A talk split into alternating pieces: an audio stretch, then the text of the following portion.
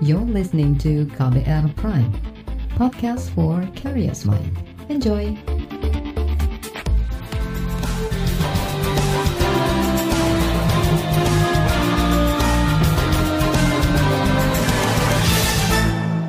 Halo selamat sore saudara, senang sekali saya Reski Mesanto kembali hadir sore hari ini di KBR Sore edisi Kamis 4 Maret 2021. Hari ini seperti biasa selama kurang lebih 30 menit ke depan saya akan menjadi teman Anda di sore hari ini dan akan mengajak Anda membahas satu hal. Jadi sore hari ini kita akan membahas tentang target vaksinasi COVID-19 di Indonesia. Program yang sudah dimulai sejak Januari lalu kini memasuki tahap kedua dengan sasaran petugas pelayan publik semisal TNI Polri, pedagang, dan lanjut usia. Kementerian Kesehatan menargetkan 2 hingga 3 juta dosis vaksin per hari pada semester 2 tahun ini atau April hingga Juni.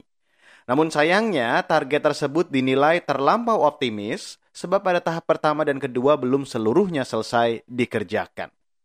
Lantas, apa upaya pemerintah menggenjot vaksinasi semester kedua ini? Untuk mencapai target yang diharapkan. Saudara, Kementerian Kesehatan menyatakan ketersediaan vaksin dalam jumlah besar baru akan terlaksana pada Juli hingga Desember. Di periode itu, pemerintah ingin menaikkan target vaksinasi nasional menjadi 2 hingga 3 juta dosis per hari.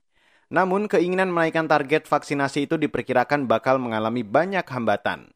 Menteri Kesehatan Budi Gunadi Sadikin memperkirakan baru sekitar 90 juta dosis vaksin atau 45 juta orang yang bisa divaksinasi hingga Juni mendatang. Namun, kata dia jika manajemen vaksin di Juli mendatang bisa terkontrol, maka dalam sehari vaksinasi bisa ditingkatkan menjadi 500 ribu. Berikut pernyataannya. Jadi vaksinnya kurang itu sampai Jadi kita jual 120 juta, mas distribusinya tidak merata. Jadi di bulan pertama 60 juta, di bulan-bulan berikutnya baru banyak. Tantangannya, kita sekarang nggak bisa vaksinnya cepat-cepat. Karena kalau cepat kita habis, nanti protes semua. Kan? Jadi harus di, diatur laju vaksinasinya. Kita baru akan naik ke 500 ribu. Kemarin tertinggi udah 170 ribu. Okay. Ya, kan tadinya 10 ribu kan. Yang kemarin udah 170 ribu. Hmm. Saya rasa targetnya kami kalau bisa bulan Maret, April ini 500 ribu. Karena memang vaksinnya adanya 15 juta 15 juta sebulan. 500 ribu sehari kan nantinya 15 juta sebulan. Kalau kita lebih cepat habis. Nanti ya. ada kosong nggak bisa vaksin masyarakat resah. Ya baru kemudian Mei Juni kita naikin ke 500 ribu dan Juli baru 1 juta mungkin sampai hmm. satu setengah juta. Karena jumlah vaksin cukup untuk kita lakukan vaksinasi sejumlah itu. Pesan saya kabar teman memang saat ini itu baru 20-25 persen yang kita hmm. bisa vaksinasi karena memang jumlahnya segitu. Tapi nanti sesudah Juli sampai Desember, mana jumlahnya sudah banyak, di situ kita akan kebut. Mohon dukungannya dan pengertiannya. Menteri Kesehatan Budi Gunadi Sadikin mengklaim kendala tidak meratanya vaksinasi COVID-19 saat ini lantaran ketersediaan vaksin. Setiap minggu hmm. saya melakukan video dengan gubernur kepala daerah. Mereka sangat teramat mengenai kegiatan vaksinasi ini, apanya, kesulitannya, progresnya apa. Dan masukannya tadi saya confirm bahwa memang mereka semua komplain, kok vaksinnya kurang. Sekali lagi konfirmasi bahwa saya bilang memang seluruh dunia juga kurang. Seluruh dunia sekarang sedang rebutan vaksin. Even WHO sama PBB sekarang lagi berdebat panas karena vaksin-vaksin ini banyak oleh negara-negara negara-negara miskin susah sekali mendapatkan vaksin. Australia baru mulai. Ya Thailand mungkin baru akan mulai, Filipina baru akan mulai, Malaysia kita nggak tahu akan mulainya kapan. Jadi ini sebenarnya kita bisa mulai duluan. Ya teman di daerah tetap sangat semangat untuk menyuntik. Bisa dicek langsung ke kepala dinas kesehatan, gubernur, wali kota. Semuanya semangat untuk suntik. Mereka bilang ini kurang. Saya bilang vaksin dulu dunia kurang. Okay. Bisa beruntung, tapi saya bilang, kita hanya bisa mencecure, baru bisa mencecure 90 juta dosis, artinya 45 juta orang. Baru sesudah Juli, kita bisa mencecure sisanya. Ini bisa buat 181. Jadi sekitar 20-25 persen yang baru divaksin sampai Juni. Bukan karena kita nggak mampu, karena memang vaksinnya nggak ada. Jadi kita harus secara agresif, begitu vaksinnya mulai datang besar di hmm. bulan Juli, Agustus, September, nah di sana bisa vaksinasi Menteri Kesehatan Budi Gunadi Sadikin mengakui vaksin menjadi rebutan di seluruh negara di dunia. Menurutnya, Indonesia beruntung bisa mendapatkan vaksin. Oleh karena itu, ia meminta masyarakat tetap antusias menunggu giliran vaksinasi. Vaksin supaya terjadi kekebalan komunal atau itu ada 5,5 miliar orang atau kali dua 11 miliar vaksin. Banyak negara belum bisa mendapatkan vaksinnya, termasuk negara maju juga baru beberapa di Asia. Jadi Indonesia bersyukur kita bisa dapat, tapi sekali lagi karena masih rebutannya di seluruh dunia banyak sekali, memang bertahap kita vaksinasinya. Jadi Bapak Ibu tolong bersabar sampai Juni ini mungkin baru 20% yang bisa divaksin karena kita berusaha keras untuk mendapatkan vaksin sebanyak-banyaknya. Sisanya nanti di bulan Juli insya Allah bisa sebagian besar rakyat divaksin. Itu tadi Menteri Kesehatan Budi Gunadi Sadikin. Saudara, selanjutnya kita akan mendengar laporan khas KBR bertajuk Untuk Siapa Prioritas Vaksin COVID-19. Selengkapnya, bisa Anda dengar sesaat lagi. Tetaplah di KBR Sore. You're listening to KBR Pride, podcast for curious mind. Enjoy!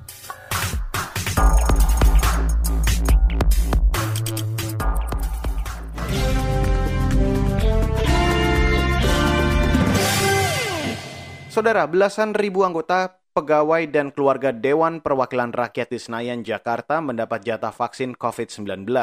Selain keluarga DPR, tahanan KPK juga telah menerima vaksin COVID. Padahal, prioritas pemerintah di tahap kedua vaksinasi COVID-19 diprioritaskan bagi petugas pelayan publik dan warga lanjut usia. Lalu mengapa mereka yang bukan prioritas itu bisa mendapat vaksin? Berikut laporan khas KBR yang disusun Mutia Kusuma Wardani. Doakan sehat dan berkah dan COVID-nya segera hilang dari Indonesia buat semuanya. Itu tadi anggota DPR dari fraksi Partai Keadilan Sejahtera Mardani Alisera. Melalui media sosialnya, dia menayangkan rekaman video saat dia menerima suntikan vaksin COVID-19. Vaksinasi yang digelar pada akhir Februari lalu itu berlangsung tertutup. Belakangan, muncul kabar tak sedap vaksinasi diberikan juga kepada anggota DPR dan keluarganya. Sekretaris Jenderal DPR Indra Iskandar beralasan keluarga anggota DPR ikut menerima vaksin lantaran berpotensi tertular virus COVID-19. Jumlah keseluruhannya itu berkisar hampir 12 ribu. Dalam catatan kami sudah enam anggota DPR yang meninggal akibat corona ini. Jadi tentu eh, anggota-anggota DPR juga yang sangat berisiko karena pada saat didapil dan lain sebagainya eh, dalam periode persidangan kemarin itu kemudian banyak yang positif sehingga keluarga pun wajib di, dilindungi. Tindakan anggota parlemen itu menuai kecaman. Forum Masyarakat Peduli Parlemen Indonesia atau Formapi menolak program vaksinasi untuk keluarga legislator.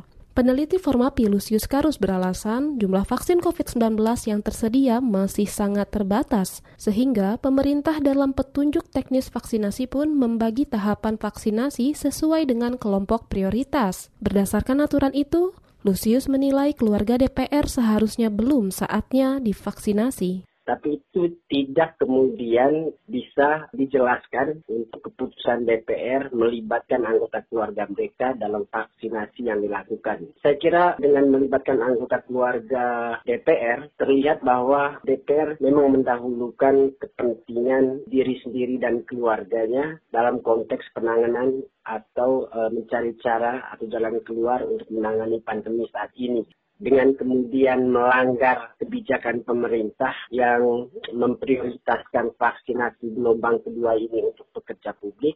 Penolakan vaksinasi bagi keluarga anggota legislatif juga ditegaskan oleh Wakil Gubernur DKI Jakarta, Riza Patria. Pasalnya, tahapan vaksinasi dalam SK Petunjuk Teknis Kemenkes sudah dijadwalkan tahapannya mulai dari penyuntikan tenaga kesehatan, pelayan publik, wartawan, hingga ojek daring. Iya tentu kita harus memprioritaskan tenaga kesehatan, teman-teman wartawan, profesi yang banyak berinteraksi dengan masyarakat, pedagang pasar, itu.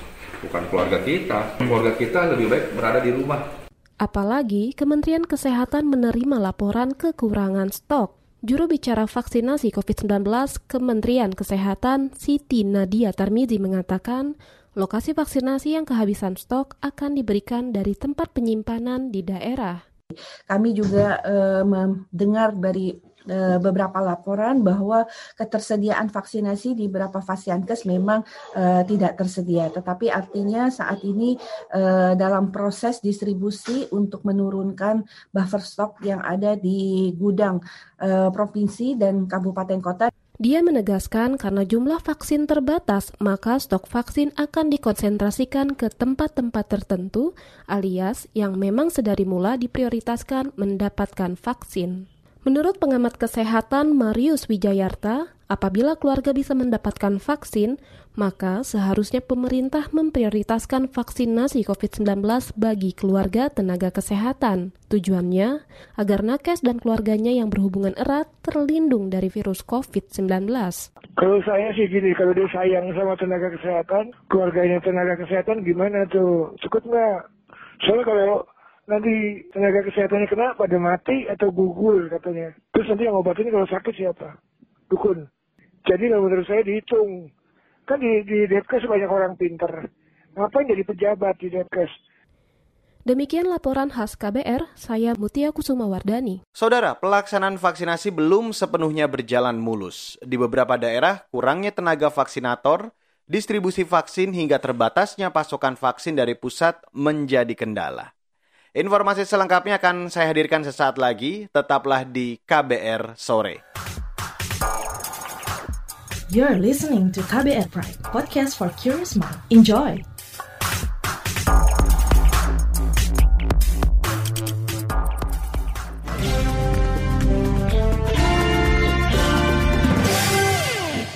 Terima kasih saudara Anda masih bergabung bersama kami di KBR Sore hari ini 4 Maret 2021. Saudara, pelaksanaan vaksinasi semester 1 belum sepenuhnya berjalan mulus. Di beberapa daerah di Indonesia, Kurangnya tenaga vaksinator, distribusi vaksin hingga terbatasnya pasokan vaksin dari pusat menjadi kendala vaksinasi semester 1 lalu. Tantangan ini harus segera diselesaikan pemerintah untuk pemenuhan target. Di Nia Selatan, Sumatera Utara misalnya, kondisi geografis yang sulit dijangkau jadi kendala distribusi vaksin. Berikut pernyataan Kepala Bidang Pencegahan dan Pengendalian Penyakit P2P Dinas Kesehatan Kabupaten Nia Selatan berkat Baine dikutip dari kanal YouTube Kompas TV. Kendala-kendala sebenarnya tidak terlalu riskan sekali, hanya kita mengalami kesulitan khususnya di kepulauan dalam hal pendistribusian di mana vaksinasi yang dikirim itu wajib dikirim dengan segera. Kendala lainnya juga dikeluhkan salah seorang tenaga kesehatan di Pulau Batu Utara Nia Selatan, Clara Sidomi. Ia menyebut penyimpanan vaksin terkendala pasokan listrik yang tidak stabil mengingat di puskesmas tempat Clara bekerja hanya menggunakan mesin pembangkit generator yang berfungsi di jam kerja terbatas saja. Berikut pernyataannya. Harapan kami sih kepada pemerintah pusat dan daerah supaya memfasilitasi kami dalam pemberian tenaga listrik sehingga kami bisa menyimpan di sejumlah vaksin di dalam kulkas vaksin di puskesmas kami Sementara di Provinsi Papua, sumber daya manusia menjadi salah satu kendala pelaksanaan vaksinasi. Saat ini di Papua, target vaksinasi tahap pertama untuk tenaga kesehatan bahkan belum tercapai. Berikut petikan wawancara kontributor KBR Arjuna Pandemi dengan Ketua Satgas Penanganan COVID-19 Papua, William Manderi. Bagaimana perkembangan vaksinasi di Papua sekarang, Pak? sesuai dengan apa yang disampaikan oleh pemerintah pusat, maka daerah wajib untuk bisa dapat menyelesaikan vaksinasi khusus untuk tahap pertama ini bagi para nakes. Nah, oleh sebab itu kita mendorong Bapak Wagub, Gubernur dan Bapak Wagub mendorong supaya semua daerah sudah harus melaksanakan vaksin vaksinasi khusus untuk nakes ini gitu. Sampai dengan beberapa hari yang lalu itu tinggal satu daerah ini apa Lani Jaya. Tapi mungkin sudah itu kalau tidak salah sudah. Berkaitan dengan itu mungkin juga apa namanya uh, sistem uh, yang dilakukan mm-hmm. data itu kan data ini kan bukan data manual data yang uh, secara online jadi mungkin juga ada gangguan-gangguan sehingga mungkin juga tidak belum juga apa datanya uh, rampung seperti itu jadi mm. Harapan kami uh, Bapak Gubernur, Wakil Gubernur untuk semua daerah artinya yang belum, yang sudah terima kasih tapi yang belum uh, untuk segera menyelesaikan ini karena berkaitan dengan data. Pak, kalau data dari Satgas sendiri, bagaimana realisasi vaksin di Papua sejauh ini? Sudah berapa persen kira-kira Pak realisasinya? Ini kan belum belum disampaikan secara menyeluruh kan begitu. Jadi ini yang masih kita juga masih tunggu nanti dari uh, teman-teman dari kesehatan mereka yang mengetahui itu sehingga data ini bisa diupdate dengan baik sehingga kita bisa tahu sampai dengan hari ini seperti apa. Pak, kendala okay. apa saja kira-kira yang dialami dalam vaksinasi di Papua ini? Apakah distribusi atau ketersediaan uh, vaksinator atau seperti saya, apa, Pak? Ya, saya kira banyak hal. Pertama berkaitan dengan sumber daya. Nah itu, itu berkaitan dengan sumber daya. Lalu berkaitan dengan ketersediaan, ketersediaan fasilitas. Nah ini juga kan berpengaruh. Lalu bagaimana mereka yang mau melakukan itu, artinya nah, kesiapan-kesiapan mereka itu kan butuh nah, sumber daya kan seperti hmm. itu. Sehingga itu juga berpengaruh, berpengaruh terhadap pelaksanaan vaksin di Papua hmm. sendiri. Oh, Pak, kendala Lanijaya itu masih belum ada vaksinator ya Pak, kendalanya? di Lanija? Ah, it, iya, justru itu kan mungkin yang lebih jelas dari teman-teman dari dinas kesehatan. Nah, sehingga kita bisa tahu uh, kendala yang memang ada di sana seperti apa, sehingga nah, kita bisa uh, langkah-langkah upaya untuk dilakukan. Itu tadi Ketua Satgas Penanganan COVID-19 Papua, William Manderi. Saudara, Komisi Kesehatan DPR mendorong pemerintah mempersiapkan seluruh aspek terkait proses vaksinasi. Menurut anggota Komisi Kesehatan DPR, Kurniasi Mufidayati, persiapan yang matang bisa mempercepat pelaksanaan vaksinasi COVID-19 termasuk menekan penyebaran COVID-19. Nah, kita juga mendorong vaksinasi ini dipercepat pelaksanaannya, Mbak. Jadi pengadaannya, kemudian juga vaksinatornya, tempat penyimpanannya, distribusinya ini merupakan hal yang complicated juga. Nah, ini kita minta disiapkan secara lebih baik lagi. Belum lagi pembentukan tim antisipasi kejadian ikutan pasca imunisasi ya, itu juga harus disiapkan. Nah, jadi banyak variabel-variabel, dimensi-dimensi yang perlu ditingkatkan oleh pemerintah. Itu tadi anggota Komisi Kesehatan DPR, Kurniasi Mufidayati. Saudara, selanjutnya, kalangan ahli menilai target vaksinasi di semester 2 2021 yang diutarakan Menteri Kesehatan terlalu ambisius. Sesaat lagi akan saya hadirkan perbincangan dengan Dewan Pakar IAKMI dan epidemiolog dari Universitas Indonesia. Tetaplah bersama kami di KBR sore. You're listening to KBR Pride, podcast for curious mind. Enjoy!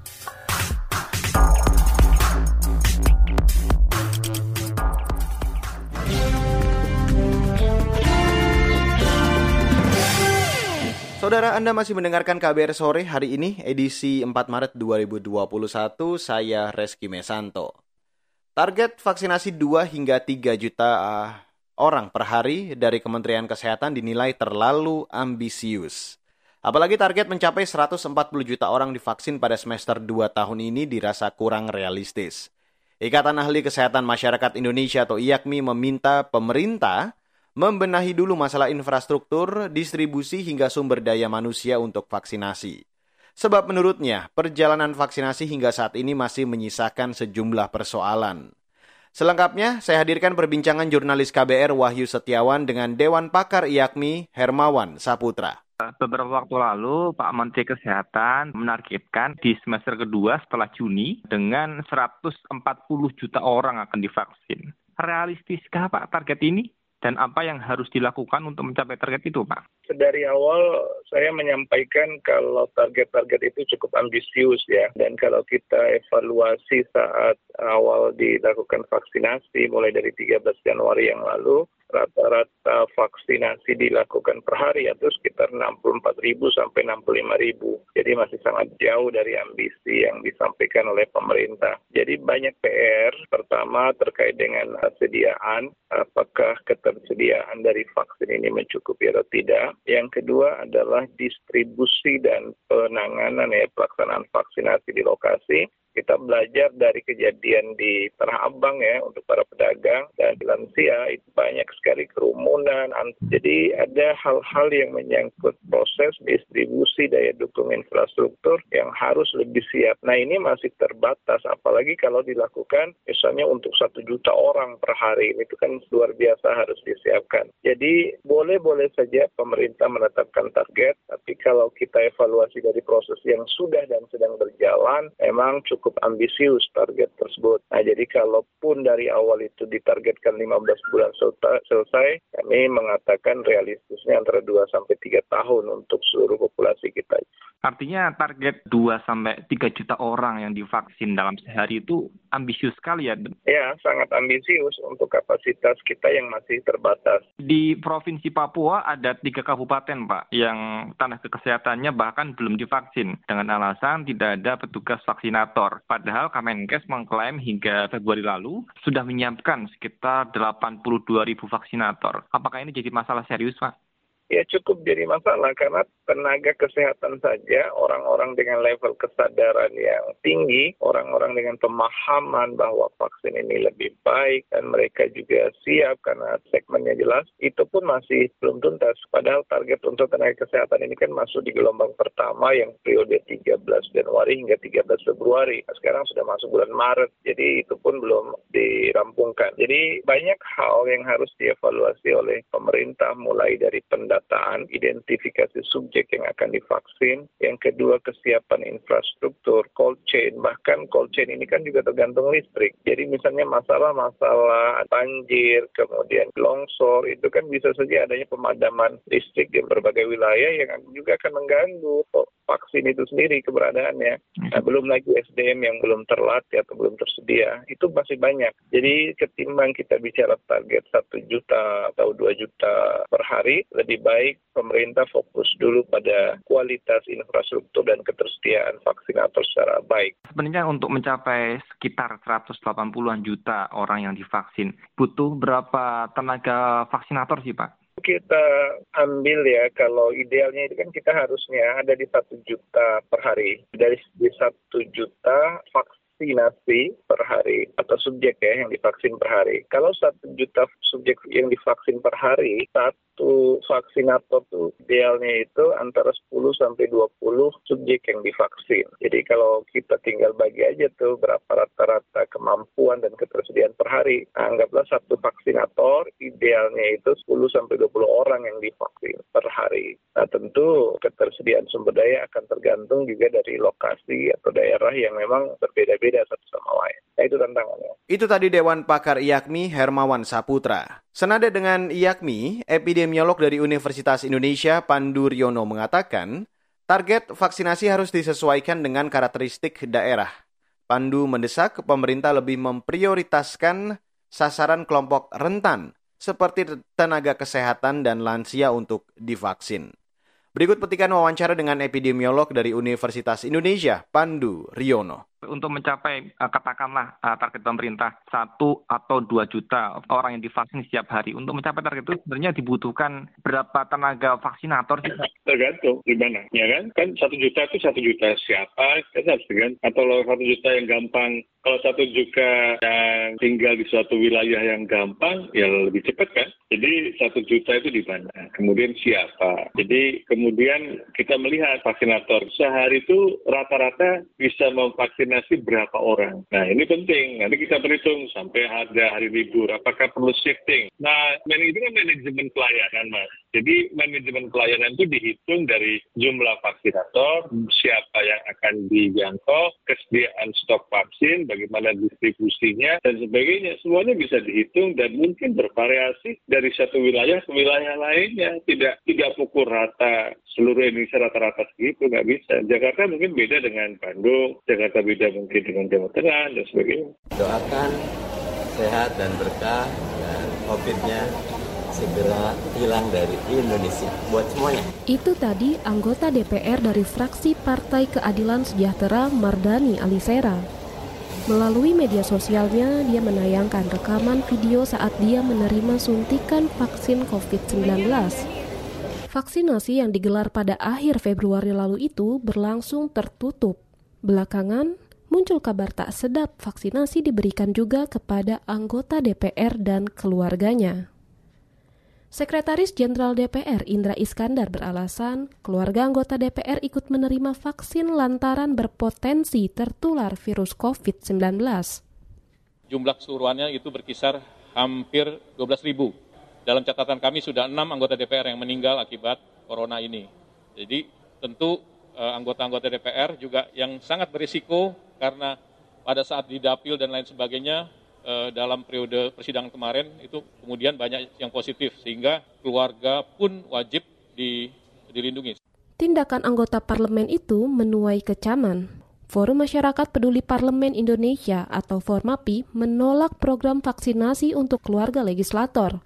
Peneliti Formapi Lucius Karus beralasan jumlah vaksin COVID-19 yang tersedia masih sangat terbatas, sehingga pemerintah dalam petunjuk teknis vaksinasi pun membagi tahapan vaksinasi sesuai dengan kelompok prioritas. Berdasarkan aturan itu, Lucius menilai keluarga DPR seharusnya belum saatnya divaksinasi tapi itu tidak kemudian bisa dijelaskan untuk keputusan DPR melibatkan anggota keluarga mereka dalam vaksinasi yang dilakukan. Saya kira dengan melibatkan anggota keluarga DPR terlihat bahwa DPR memang mendahulukan kepentingan diri sendiri dan keluarganya dalam konteks penanganan atau e, mencari cara atau jalan keluar untuk menangani pandemi saat ini dengan kemudian melanggar kebijakan pemerintah yang memprioritaskan vaksinasi gelombang kedua ini untuk pekerja publik.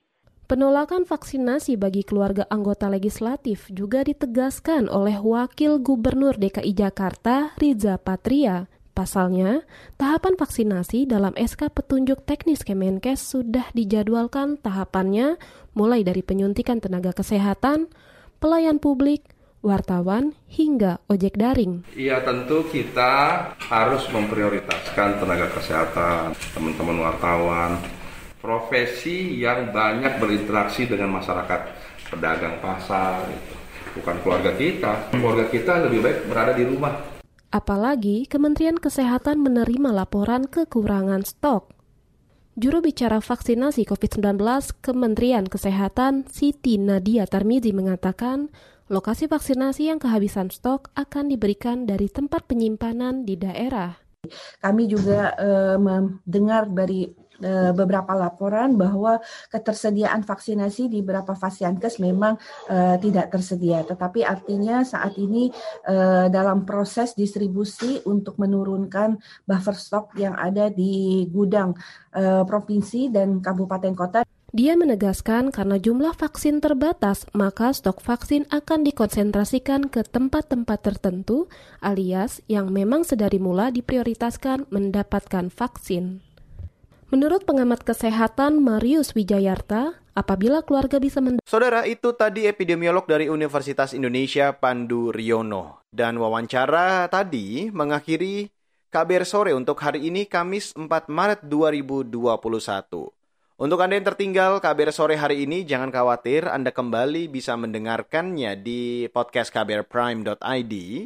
Jangan lupa juga untuk selalu memperbarui informasi Anda melalui kabar baru setiap jamnya.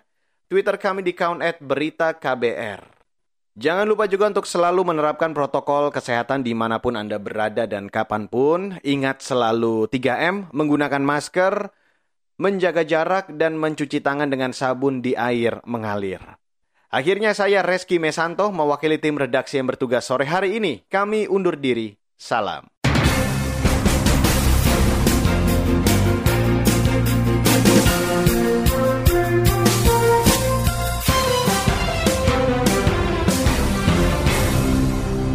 KBR Prime, cara asik mendengar berita. KBR Prime, podcast for curious mind.